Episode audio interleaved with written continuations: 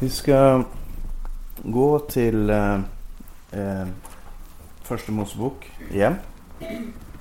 Ska vi fortsätta där? Jag får ju se det först att eh, det här är ett så pass omfattande eh, material som vi, som vi ser på i Första Mosebok kapitel 2. Att eh, har varit lite usikker på hur man ska lägga det upp. Eh, det är så många temaer som går ut ifrån det, fra hage, och det är så många eh, ting som är er koblet til hverandre at det är lite vanskelig å Litt vanskelig å, å, å forklare alt på, med en gång eller förklara allt på, på eh, Och lägga det upp för att, för att kunna förklara det. Men när det är sagt så, så får vi ta det lite om lite och så tror jag att efterhvert så vill ett, ett större bilde eh, träder fram. Eh, det är lite som när man ser en konstnär arbeta eller någon som eh, skapar något. Man, man syns att eh, varför ska vi lägga denna steinen nu? Varför ska vi, varför ska vi dra det penselströket nu? Eh, men efterhvert så hoppas jag att det vill bli mer tydligt. Och så är det egentligen med, med hela Bibeln. Så är Bibeln lagt upp. Det är inte det är inte en text som man kommer oavsett till att skönna första gången man läser den. Och därför säger inte heller Bibeln 'Saliga den som läser igenom Bibeln en gång. Men det står 'Saliga den som icke har, sitter där syndare sitter, icke går på spottares väg och så vidare. Men har sin lyst i Herrens lov och tänker på hans lov både dag och natt. För att få ut det som, som hör till skriften så, så är det en stadig eh, interaktion, meditation och kontemplation och studium i skriften som, som gör att vi, om vi kommer till den på försäljliga måter, vi har olika tidpunkt, men till stadighet och kontinuerlig så kommer vi till att lära oss mer och mer och mer. Och det hoppas jag att vi ska göra här också. Och förra gången så såg vi lite på eh, Gud som pottemaker. Eh, då Gud formet ett människa av jordens stöv och blåste livets ond i hans näsa. Den här gången så ska vi se på Gud som hagemäster. Och vi läser ifrån första Mosebok kapitel 2 från det åttonde verset. Där står det i Jesu namn. Så plantet Gud Herren en hage i Eden i östen. Där satte han människe som han hade format. Och Gud Herren lot alla slags trär växa upp av jorden präktiga att se på och goda att äta av. Och så livets trä mitt i hagen och trä till kunskap om gott och ont. En älv rann ut från Eden för att vanna hagen och siden delte den sig i fyra huvudströmmar. Namnet på den första är Pison. Det är den som ränner runt omkring hela landet Havila, där det är guld. Guld i detta land är gott, där, där är bedelium och nyxsten. Namnet på den andra älven är Gihon. Det är den som ränner omkring hela landet Kus. Namnet på den tredje älven är Hidekel. Det är den som ränner öst för Assur. Och den fjärde älven är Frat. Och, herren, och Gud Herren tog människa och satte ham i Edens hage till att dyrka och vokte den. Men. Eh, om man ser på det första ordet här, eller första två orden, så är det så Eh, så plantet Gud. Gud planter. Och jag ser att förra gången så talade vi om Gud som en hagmäst, äh, som en, en, en pottemaker. Den här gången så ser vi Gud presenterad som en hagmästare. Eh, eller en botaniker. Eh, och det de två yrkena eller hantverkene har fälles. Det är att det är en, en kombination av funktion och skönhet. Eh, en pottemaker som, som, som lagar ett kar. Han gör inte bara något som kan innehålla vann. Eller en annan väske. Eh, eller något annat. Han gör också något som är vackert. Han skapar, och när du ser människor som skapar och jag har eh, under den sista tiden fått många förslag från, från Youtube och sett på många videor av folk som skapar eh, kar och, och vaser och, och, och ting, ringer, allt möjligt och det är en otrolig nöjaktighet som blir lagt ner i det. Och länge efter att jag syns att nu är det färdigt så fortsätter de och håller på och håller på och håller på eh, för att få fram det som de ser för sig eh, och som de önskar att skapa och så brukar de försälja material och sånt. Och sån är det både med en, med en pottemakare och en hagemästare. En hagemästare, han, alltså en som jobbar i en hage, ja, en hage är där för att eh, skapa frukt, för att eh, skapa alltså näringsmedel, ting som du kan leva av. I en hage är, där är det vann, där är det, där är det träd som ger frukt, där det, kan det vara grönsaker, det kan vara allt möjligt som är nyttigt, som har en funktion. Men där är det också otroligt mycket skönhet. Alltså en hage, den är lika delar funktion och skönhet. Den är lika delar om du vill jord som himmel. Den är lika delar natur som kultur. Alltså du tar något som är eh, du, du begynner inte, förra gången så talade jag om det här tomme lärrete. Det är kanske lite grann färg. Man kanske hellre ska se det som kaos eller som uorden. Där du kommer till en hage, du köper dig en jordplätt och den är inte tom. Där kanske det står ett träd. Där kanske det växer någon växter. Det är ugräs och det är gräs blandat. Det är ting som, som är kaos för att det har bara vuxit fram. Men så går du in där och så börjar du att dyrka, så börjar du att, att rensa. Eh, eller som det står här i eh, sista versen, och Gud, Herren, alltså i femtonde versen. Och Gud Herren tog människa och satte ham i Edens hage till att dyrka och vokte den. Eh, det, är, eh, det är tanken här att, att eh, man, man tar Noe och så dyrker man, alltså får saker och ting till att växa fram. Men man vokter också och det handlar om att begränsa eller att, att passa på Noe. Eh, så det är vad, vad, vi får beskrivet här. Och det här kommer till att komma tillbaka gång på gång på gång. Och du kommer till att märka att jag säger det med lite olika ord varje gång. Både utifrån vad texten säger och, och som prövar att, att förklara vad som är tanken här. Men eh, hur vet jag då att Edens hage, att Gud också skapade med den här dubbelheten funktionalitet och skönhet? Jo, det står i den nionde versen Och Gud Herren låt alla slags träd, det är mångfalden i det hela, växa upp av jorden. Det är upphavet till alla tingene. Präktiga att se på. Det är alltså skönheten. Och gode att äta av. Det är funktionaliteten. Och jag tror att deras bibelöversättelser eh, kan jag tänka mig allesammans säger omtrent detsamma. Präktiga att se på. I eh, 2011 översättelsen så står det som Gud, Herren Gud låt alla slags träd växa upp av jorden förlockande att se på och gode att spisa av. Och det är intressant för det att eh, det ordet som brukas här på hebraiska, jag ska inte tegna upp en massa hebraiska ord här som jag gjorde förra gången. Men det ordet är chamad. Och chamad, eh, det betyder icke präktig eller vacker. Det betyder noe som lockar. Och det är det ordet som brukas för exempel där det står du ska inte ha begär till din nästes hustru. Du ska icke ha begär till din nästes esel eller något annat som tillhör din nästa i budorden. Så är det chamad. Du ska icke ha chamad, alltså lyss till eller, eller du ska icke lockas av eller du ska icke begära. Så Gud skapar trär.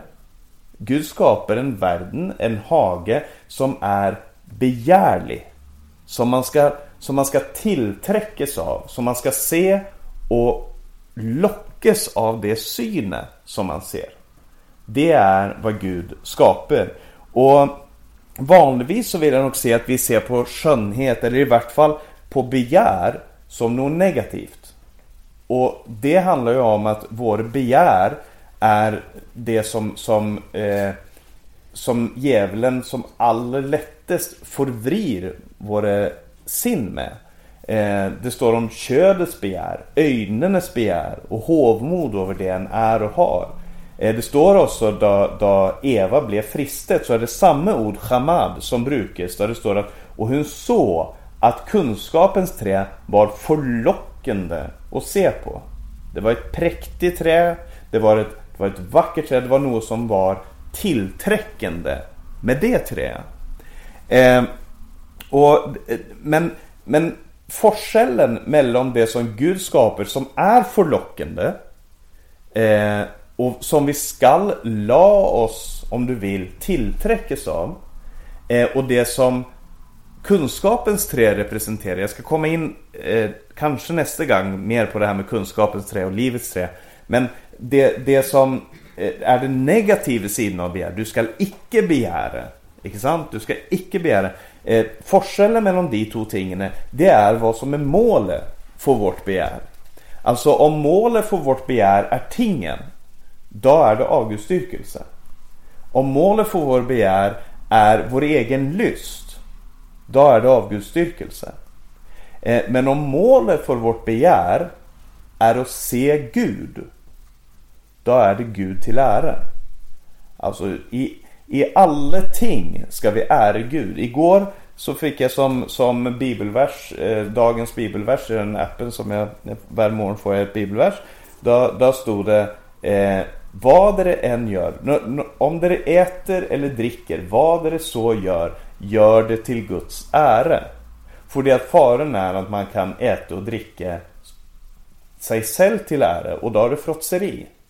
Men Gud skapade ting som skulle ätas får de nytes av i hans närvaro eh, han till ära.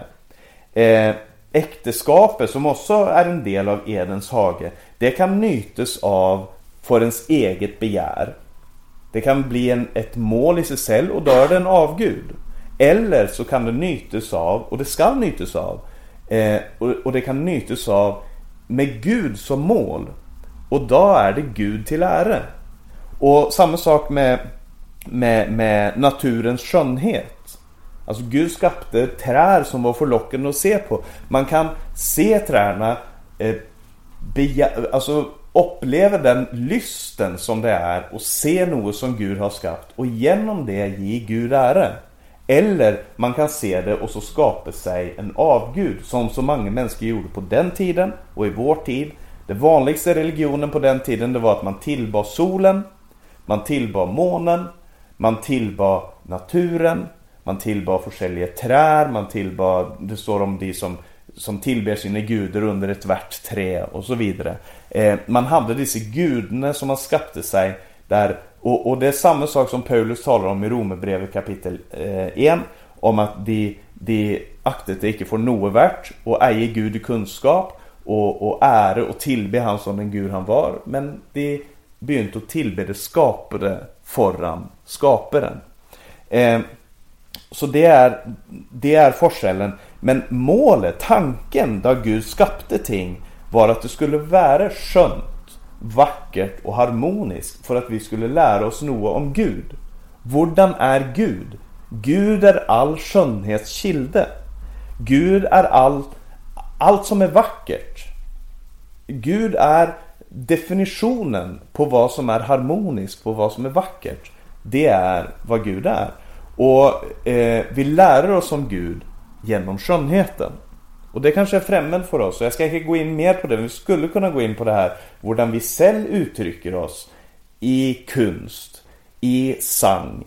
I musik. I, i eh, eh, när vi skapar ting. När vi skapar hem. När vi skapar familjen När vi skapar eh, kultur. Rätt och slätt. Att eh, det finns nog i det här som, som handlar om att ge Gud ära.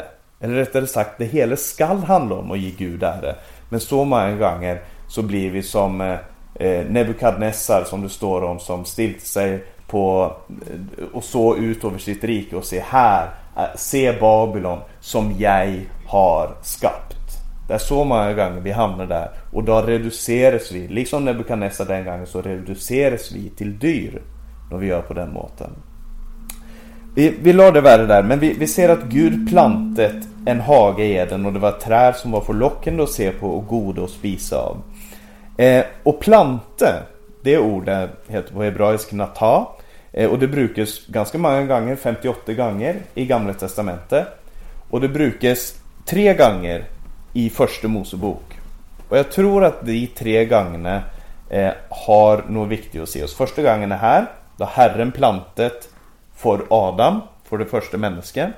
Eh, men så sker det också med två av de huvudkaraktärerna som vi möter i Första Mosebok. Jag skulle vilja säga att vi har framförallt fyra huvudkaraktärer i Första Mosebok av människor. Det är Gud som är den stora huvudkaraktären. Sen har du Abra eh, Adam. Du har Noa. Du har Abraham. Och du har Josef. Det skulle jag vilja se är de stora karaktärerna som man har förväntningar till. Att de ska skapa något som blir bestående. Abraham som det första människa. Noa som han som, som kommer ut i den nya skapelsen efter floden. Abraham som han som Gud utväljer. Och Josef som han som står som icke gör någon fel. Han synder icke. Han, han följer Guds... Han, han lider för sitt folk, för sin familj. Han utstår det för att han ska eh, eh, ge dem ett sted där de kan finnas fred, sitt gosen. Eh, men om vi går till första Mosebok kapitel 9. Första Mosebok 9. Så vi tänker då att Herren Gud plantet i sin tid. Och planter det handlar om framtidstro, att man tror att något ska... För det är att många, många planter, särskilt trär, de växer fram och så... Och så eh, men det är nästa generation som får sitta i skyggen av det träet. Vi planter och, och barnen får sitta i skyggen. Det är framtidstro. Man planter icke när man ser krig komma. Man planter när man tänker vi har ett sted där vi kan ha fred. Och det ska vi lägga märke till här i Första Mosebok kapitel eh, 9. Det är efter Noas eh, eh efter eh, floden och, och Noas ark så står det då i det 20 verset Noa var jordbrukare och han var den första som plantet en vingård. Och här är det ordet nata. Han, nata, han plantet en vingård. Eh, och, och, och, han rätt och slätt önskar att skapa ett nytt Eden. Han, han kommer ut på en ny jord. Eh, Ararat, ny mark, ny, ny begynnelse, ny skapelse. Eh, eh, och där offrar han till Gud. Som, eh, och så börjar han att planta. Han önskar att det ska växa, han önskar att se något i framtiden. Och man har liksom en förväntning när man hör att okej, okay, han planter, Han är en jordbrukare. Han är en jordbrukare sån som Adam var tänkt, som Adam var. Sån som Abel, eller som, som Kain var.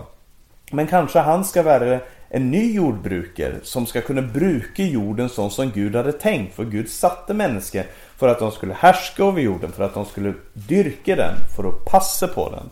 Och så, så om man läser det här verset och stoppar det här så tänker man så fantastiskt. Noa, han är den som det blir profeterat om. Han är den som ska ge oss fred. Han är den som skulle, hans namn Noach betyder vile eller fred. Eh, han ska ge oss Noach. Det som vi önskat, det som vi mistet i Edens hage, det ska Noach, det ska han nå ge oss. Han ska ge oss fred. Men det första som sker, han drack av vinen och blev berusad och han klädde sig naken inne i tältet sitt.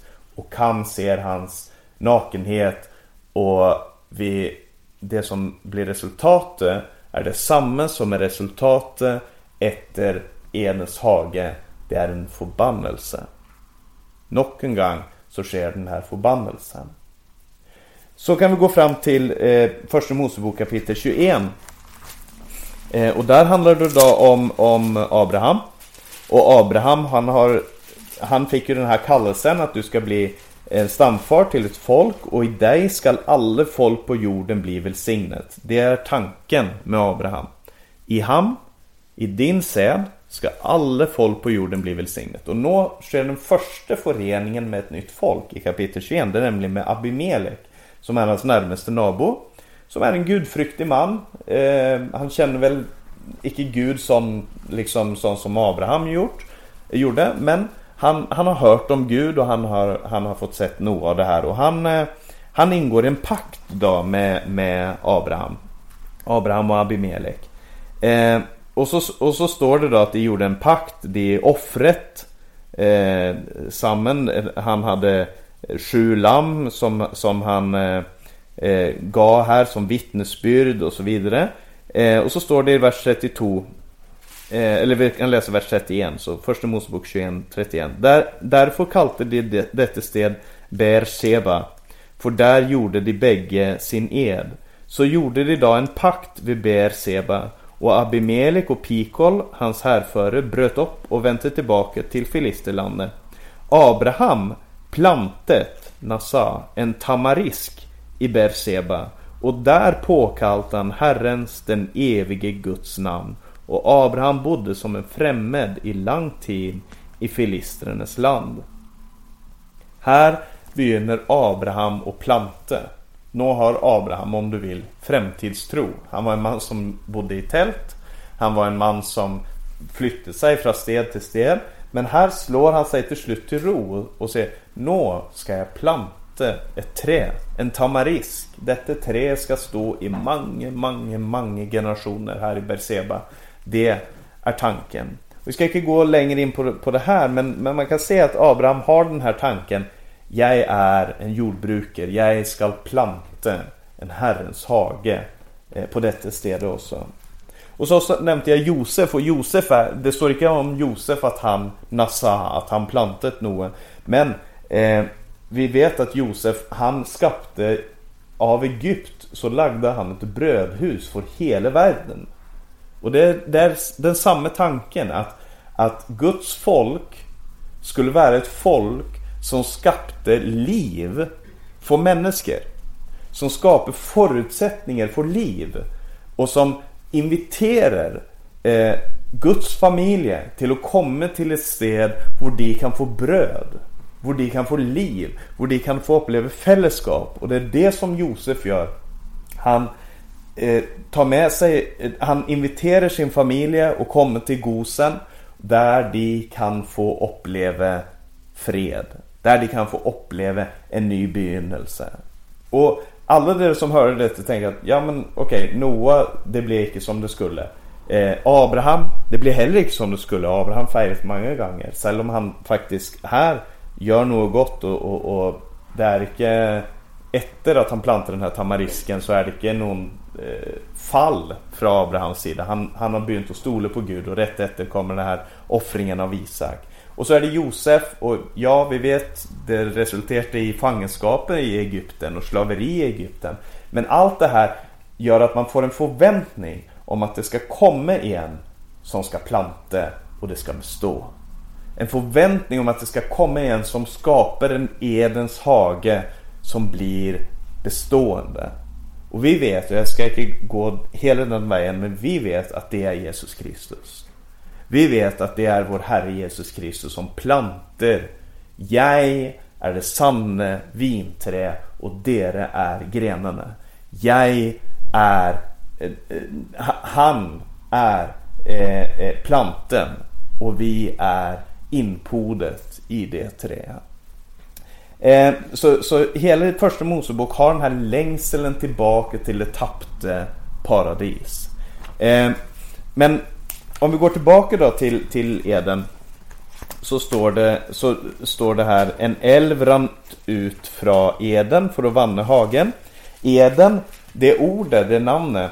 Eh, Gud plantade en hage i Eden. Eh, ordet Eden betyder lyst eller behag. Eh, eh, och, och, det beskrivs, alla ställen som det beskrivs i Bibeln så beskrivs det som ett vackert sted, ett fruktbart sted. När man ska tala om något som bara, åh, det var fantastiskt. Då var det som Eden. Eh, det står om Sodom och Gomorra. För det blev ödelagt så var det som ett Eden. Det var som, som Herrens paradis, som Eden. Eh, det står om, om jag ska göra vildmarken till Eden i, i Jesaja. Eh, och, och, det står om, om Tyrus konge som du var i mitt Eden. Du, var så, du, du kan inte komma till något bättre än Eden. Och var var det detta Eden var? Det står så plantet Gud en hage i Eden i östen. Och då kan man ju lura på, var är detta östen? Är det öst för vår Moses var där han skrev detta? Är det öst för Israel? Är det östen som något annat? Det ordet kedim, eh, som betyder östen, det kan också betyda eh, uppgång eller begynnelse. Och det vi ska tänka på det är liksom att solen går upp i öst. Nu pekar jag här men jag skriker på röst här nu. Är det ditt då? Är det det som är öst? Det, det är öst, tack. Där. Det, så. Okej. Okay. Eh, så om, om vi tänker oss att, att solen går upp i öst så är det dels en, en värrättning, alltså östen. Men det är också dagens begynnelse. Och så är det en rättning, alltså oppover. Så man, eh, för exempel den här översättelsen 2011 där står det Herren Gud plantet i gammel tid en hage i Eden.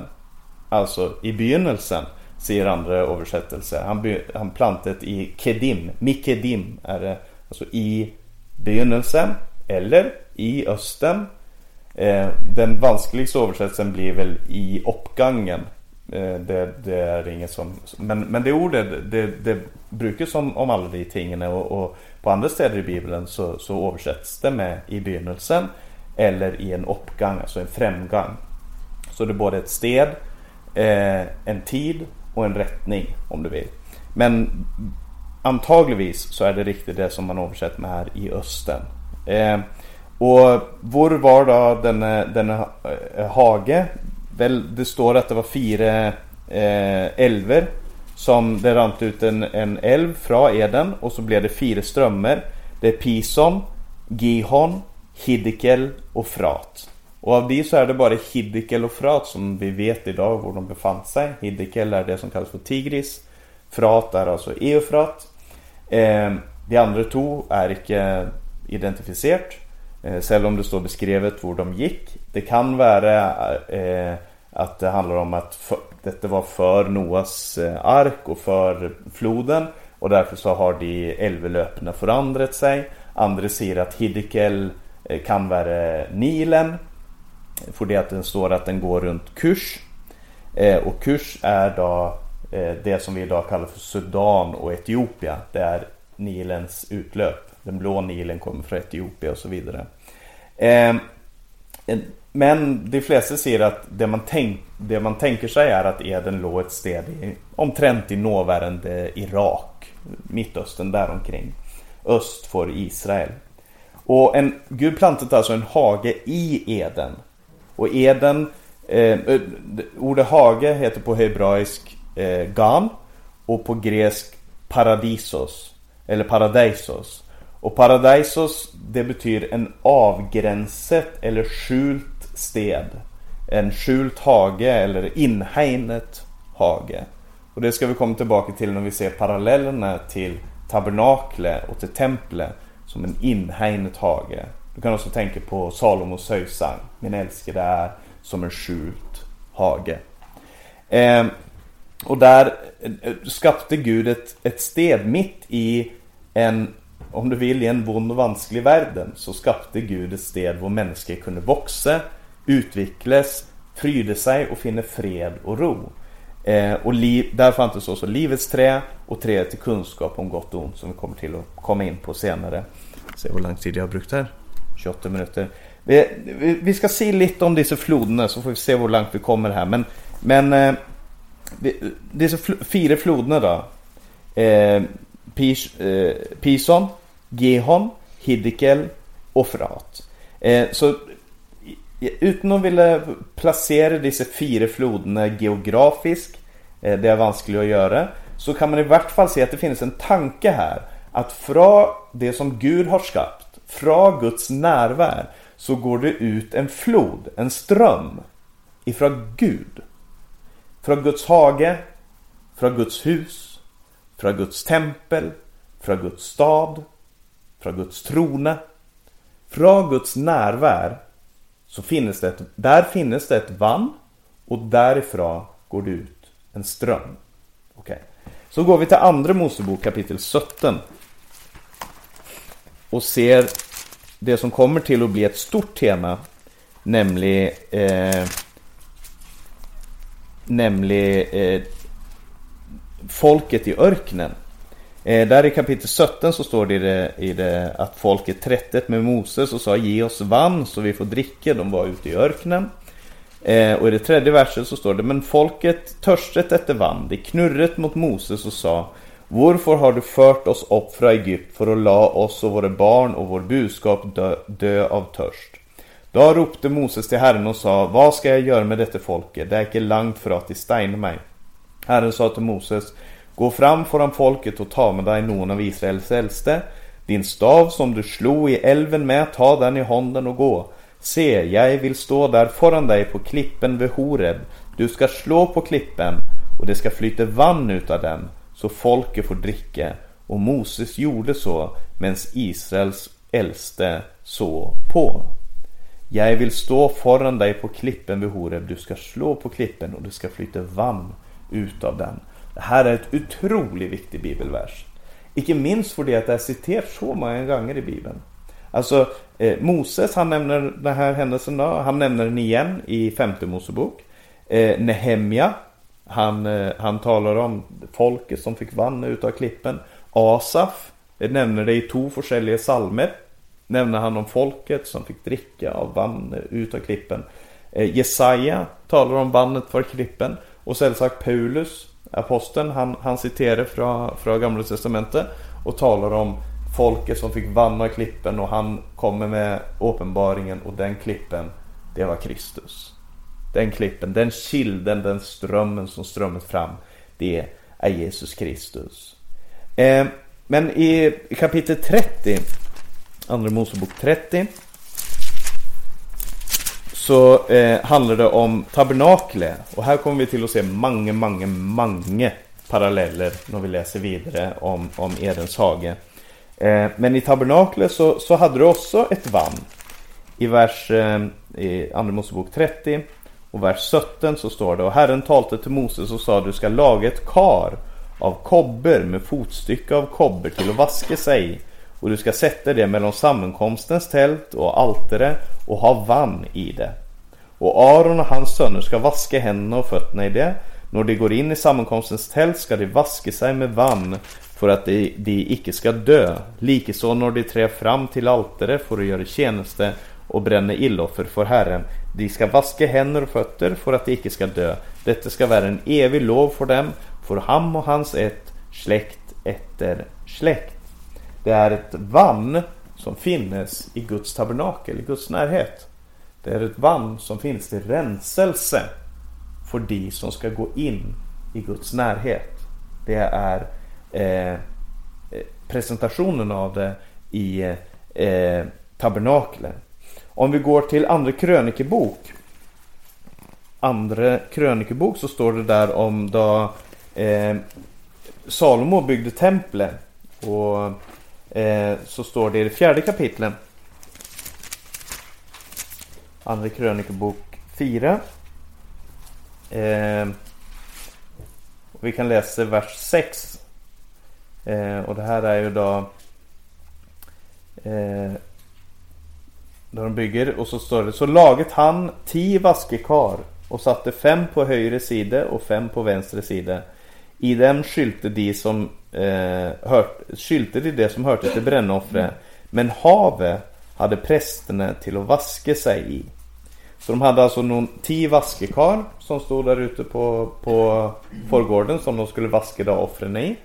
Eh, och det som hörde till det. Men de hade också ett hav och det är intressant att han brukar det där ordet. Det står inte om ett kar, men det står om ett hav. Det ett hav som man hade att vaska sig i. Som prästerna skulle vaska sig i. Eh, och det här havet var ju då tio alen. Eh, i, alltså 10 alen gick i, alltså rätt igenom, gick i radius. 5 fem alens radius. Eh, och, och, så 10 alen det är omtrent 5 meter stort. Eh, och eh, det, det, var alltså ett, ett, stort, stort kar som de kallade för havet som han eh, som var där och det var då i templet i Herrens närhet. Eh, och, och i, så i Gödnes förståelsen och Gödnes så för sig Gud och himmelen eller när Jödnes så för sig och kommit mot Gud så en av de signen som man såg för sig det var där finns det ett hav. Ett hav i Guds närhet. Eh, och det här kommer igen om vi går till Esekiel. Så kan vi ta med oss Esekiels vision också. Den här kända visionen i kapitel 47. Eh, och han har sett templet, han har beskrivit templet. Eh, sånt som det sånt som han såg det i sin vision. Eh, och utan att vi ska gå in mer på det nu, ska göra det senare, så står det i vers, kapitel 47 och vers 1. Så förde han mig tillbaka till husets ingång och se det kom vann ut från husets dörrtärskel mot öst.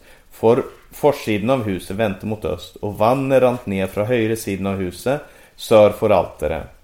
Och i det åttonde verset så står det Och han sa till mig Detta vann ränner till östbygden och vidare ner till ödemarken och faller så i havet och när det ledes ut i havet blir vannet där sunt. Alla levande skapningar som det vrimler av och överallt hvor dubbeltbäcken kommer ska leva och fiskarna ska bli meget tallrike för när detta vannet kommer dit blir det sundhet och liv överallt var älven kommer. Så i tabernaklet hade du ett kar. I templet har du ett hav. Och i Esekels vision så har du en ström. Och strömmen går fram vid sidan av, tron, vid sidan av altaret och så går den strömmen ut vid terskelen och ut i hela landet. Den dubbelt bäcken. Och den ger liv där hvor den går fram. Eh, vi kan ju ta några salmer också. Vi kan ta för exempel salmer 23. Den eh, väldigt väldigt välkända salmen. För det här är ett tema som kommer tillbaka gång på gång på gång i Bibeln. Och vi, vi ska avsluta med att läsa någon salmer. Och så ska vi följa det här temat också nästa gång som jag har bibelstudium om det här. En psalm av David. Herren är min hyrde, det manglar mig ingenting. Han lar mig ligga i grönne änger. Han leder mig till vilens vann. Han styrker min själ. Han för mig på rättfärdighetsstier för sitt namns skull. Här beskrivs Lamme, sauen, som har en hyrde. Han har en hyrde och den här hyrden han leder han till gröna änger. Om du vill Eden. Och han leder han till vilens vann. Vi får den vile som vi icke fick i Noa. Som vi faktiskt icke fick det vare sig med Abraham eller med Josef. Men Herren är min hyrde. Han leder mig till vilens vann. Eh, i, I kapitel 36, eller salmen 36 Så står det eh, I vers 8, eller vi kan läsa från vers eh, 6 Herre, till himmelen når din miskunnhet, din trofasthet till skyarna. Din rättfärdighet är som mäktiga fjäll, dina domar är stort dyp. Människor och dyr frälser du, Herre. Vår dyrbar är din misskunnighet, Gud. Människornas barn söker ly i dina vingers skygge. De blir rikligt mättet av det gode i ditt hus och av dina gläders ström ger du dem att dricka. För hos dig är livets kilde, i ditt lys ser vi lys här är tempelsymbolik i massvis där, där det är alltså det gode i hans hus. Vad är det? Det är en ström och det är ett lys. Lyset har du inne i, i, i tabernaklet vår, vår, eh, den, den här syvarmade lysstaken ger sitt lys. Men strömmen som går ut, det är den här den samma tanken. Hos dig är livets kilde. Hos, I ditt lys ser vi lys. Dina gläders ström. Av dina gläders ström ger du dem att dricka. Här kallas det för glädjens ström. Eh, I psalm 23 så kallas det för vilens vann.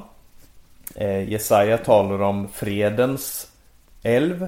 Fred som en älv ska bryta fram. Men vi ska läsa en psalm till, det är psalm 46. Psalm 46. Eh, kan läsa från begynnelsen där. Till sangmästaren av Koras barn efter alla mått en sang. Gud är vår tillflykt och vår styrke, en hjälp i trängsler, funnit övermåte stor.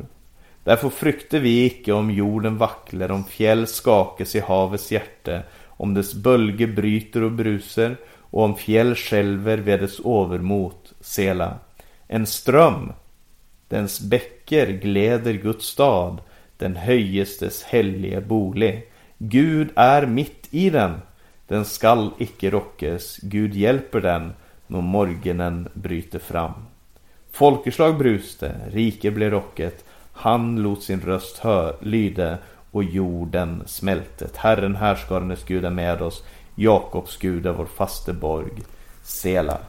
Här är det en världen runt omkring där det är kaos, jorden vacklar, fjäll skakas i havets hjärta. Men så finns det ett centrum. Där står det att Gud är i den mitten. Det finns en stad där Gud är i mitten. I Edens hage så har du livets trä i mitten. I tabernaklet så har du, så har du eh, Guds shekina, Guds härlighet, Guds åpenbaring eh, och eh, du har, du har eh, nålstolen i mitten. I Hesekiels tempel så har du altare i mitten.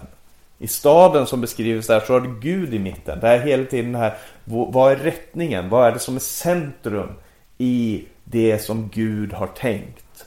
Eh, och han säger, det är en ström som går fram. Alltså, Gud är i mitten. Men utifrån det så går det en ström fram.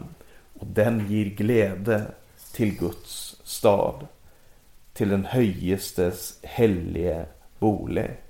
Och jag tror vi ska avsluta där. Det, det är flera vers som vi, som vi skulle ha sett på här. Men eh, vi, vi, vi la det värre där och så, och så bär vi det här med oss och så ser vi att Även om vi inte har kommit dit ännu så ska vi fram till han som ropar ut det här om någon törstar. Han kommer till mig och dricker. Om någon tror på mig, från hans inre, innersta skall strömmar av levande vann flyta fram som skriften säger. Som skriften säger. Det är, det är den ene fullbyrdelsen av det här. Och så har du, så har du Johannes uppenbaring. I kapitel 4 så står det och jag såg han som satt på tronen och jag såg ett kristallhav vid tronen. Det är i kapitel 4 och i kapitel 22 så står det om en levande ström. Det levande, livets flod som flyter fram och som ger lägdom och, och, så vi, vi tar med oss det här och tackar Gud för uh, hans paradis. Vi tackar Gud för hans, uh, för hans tanke. Och så ber vi att vi ska få se djupare in i de här tingen efterhvert som vi öppnar Bibeln gång på gång. Och låter oss fascinera av eh, Guds tanke från begynnelsen och till änden. I Jesu namn. Amen. Vi tackar och prisar dig himmelske Fader. Vi tackar dig för möjligheten att samlas omkring dig Herre. Du är sannolikt också i vår mitt. Du har gett dig löftet. För två eller tre samlat i ditt namn. Där är du i mitten Herre. Du var i mitten i Edens hage, i tabernaklet, i templet. Du ska vara i, dens, i folkets mitt i, i det nya Jerusalem. Men du är också här mitt ibland oss nå Herre. Vi tackar och prisar dig för att du ska vara i centrum i alla ting. Och vi tackar dig för att utifrån dig, utifrån eh, ditt närvaro, utifrån din shekina Herre, utifrån ditt tabernakel så strömmar det fram en flod Herre. Utifrån det vattnet som är där, en rensande, helbredande, livgivande flod Herre. Som ger legdom till världen som kommer till dig. Jag ber dig att vi ska få se den floden. Att vi ska få uppleva den, att vi ska få styrkes där Herre. I ditt närvaro. Vi ber dig om det. I Jesu Kristi namn. Amen.